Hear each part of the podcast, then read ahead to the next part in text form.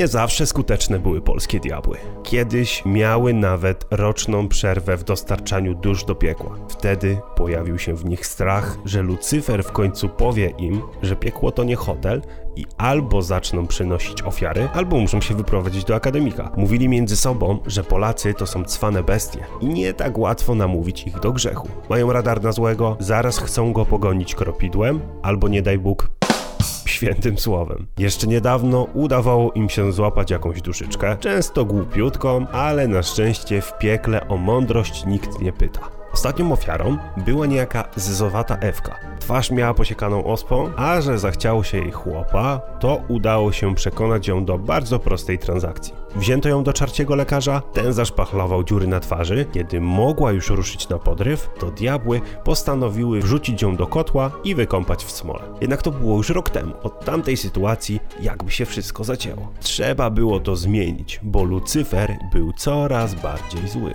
Próbowano różnych sposobów. Raz wybrano się do Walentego, drobnego złodziejaszka, który był zamknięty w wieży i czekał na hak. Sam Pronobis, niezwykle doświadczony diabeł, zajął się tą sprawą. Słuchaj Wałek, przyrzeknij, że nie będziesz nigdy żałował swoich grzechów, księdza szkoda ci nie będzie jak kopnie w kalendarz, a zrobimy cię najszczęśliwszym człowiekiem na ziemi. Dostaniesz kupę hajsu, wolność i w cholerę pola uprawnego. Walenty jednak powiedział, że grzeszyć nie będzie, zbeształ Pronobisa i kazał mu spadać. Takie to właśnie piekielnie trudne czasy przyszły dla rogaczy. Trzeba było jednak coś wymyślić. Postanowiono więc się naradzić. Z różnych stron Polski zleciały się diabły w pewnym młynie i zaczęto rozkminiać, gdzie leży powód ich niepowodzeń. Pierwsze oskarżenia padły na gorzelników. Stwierdzono, że ważą oni teraz tak paskudną wódkę, iż nawet diabłom trudno jest ją przepuścić przez gardło, a mieli oni przecież przepalone rury. Co dopiero więc ludziom. A jak wiadomo, po keleszeczku to ludzie mają lepkie rączki,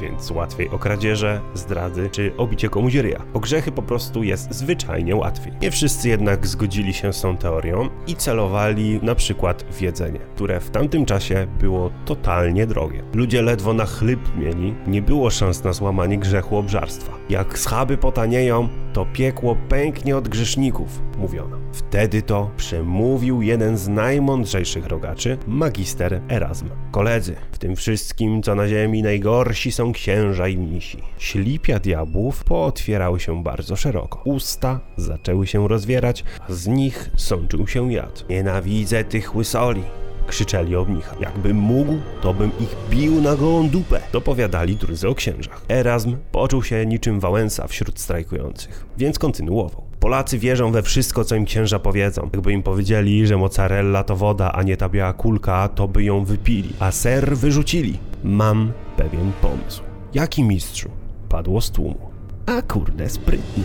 Musimy założyć swój kościół. Wybierzemy swojego proboszcza, zbudujemy własną świątynię, a później to już samo pójdzie. W ten sposób napędzimy w cholerę duszyczek. Tyle, że dobudówkę trzeba będzie robić w piekle. A żabich diabłów z Francji przegonimy w rankingu raz dwa. Pomysł podobał się wszystkim, więc od razu przystąpiono do działania. Pierwsze co, to udano się do pana Wołka, od którego kupiono kawałek ziemi, rozstawiono tam rusztowania i zabrano się do roboty. Pod młynem zgromadziło się kilka tysięcy diabłów, które stwierdziły, Wyremontujemy wasz dom! Pamiętali wszyscy o tym, że od roku nie przynieśli żadnej duszy do piekła, więc zapał mieli jakby posiadali aż dwie prawe ręce do roboty, a nie tylko jedną. O północy stały już fundamenty, do południa mury, a wieczorem dach pokrył budowlę. Na drugi dzień powstała wieża, na której zawieszono dzwon, a w środku rozbrzmiały organy. Nie było one jednak takie podniosłe jak w klasycznym kościele, tylko bardziej wiecie, takie disco, do nóżka sama chodziło. Na proboszcza wybrano diabła purchetkę. Chłop miał gadane jak rasowy coach. Był niczym Jan Paweł II, jak przyjeżdżał do Polski na pielgrzymki. Wtedy co mu bili brawo co dwa słowa. Jeszcze jak? Czarci kościół był inny niż to, co ludzie znali do tej pory. Lewan ślicznie do nich mówił, nie straszył karami, nie straszył piekłem, nie straszył mękami. Na tacę nie kazał dawać, sam pieniądze rozdawał, bo był bogaty jak jakiś szejk arabski.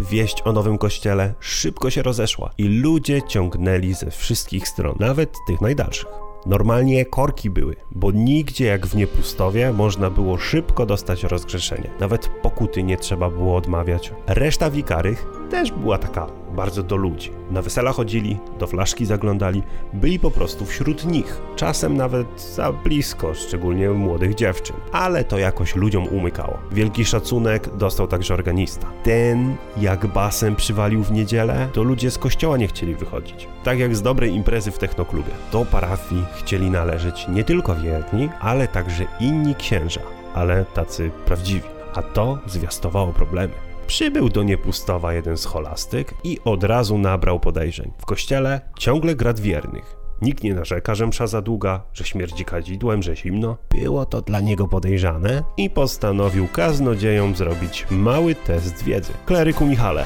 jak Kain zabił Abla? Pociągnął go za kabla. To jest dobra odpowiedź. Odpowiadali szybko, pewnie i bezbłędnie.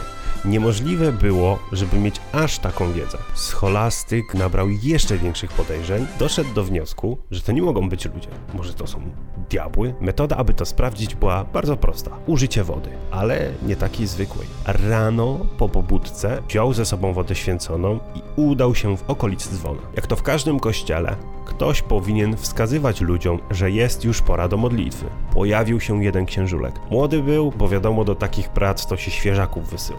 Zaspany chłop niemiłosiernie i to, co chciał głównie zrobić, to zapalić szluga. Wyciągnął fajkę i próbował ją odpalić. Niestety, ale zamokła przez noc, więc musiał opróżnić zamoczony tytoń. Tłukł więc nią o kamień, ale to było bardzo podejrzane ponieważ chłop miał zajęte ręce, a dzwon bił. Wychylił się lekko scholastyk, i wtedy zobaczył, że czart używa do tego ogona. Wszystko stało się jasne. Ta parafia to parafia diabła. Ruszył na czarta z wodą oraz egzorcyzmami z miejsca, a ten w nogi a bardziej w kopyta. Duchowny nie przebierał w środkach i po zlikwidowaniu pierwszego wroga ruszył na plebanie. Modlitwą i wodą święconą przeganiał swoich przeciwników bardzo skutecznie. Chwilę po wizycie na plebanii zatrzęsła się ziemia, huk był niewyobrażalny. Świątynia zapadła się pod ziemię, a w jej miejscu pojawiło się źródło ze zdrowotną wodą. Scholastyk cudem uniknął śmierci, rozpracowując szajkę diabłów. Jeżeli lubicie słuchać o diabłach, to zapraszam Was do posłuchania legendy o sprawiedliwym diable z Lublina.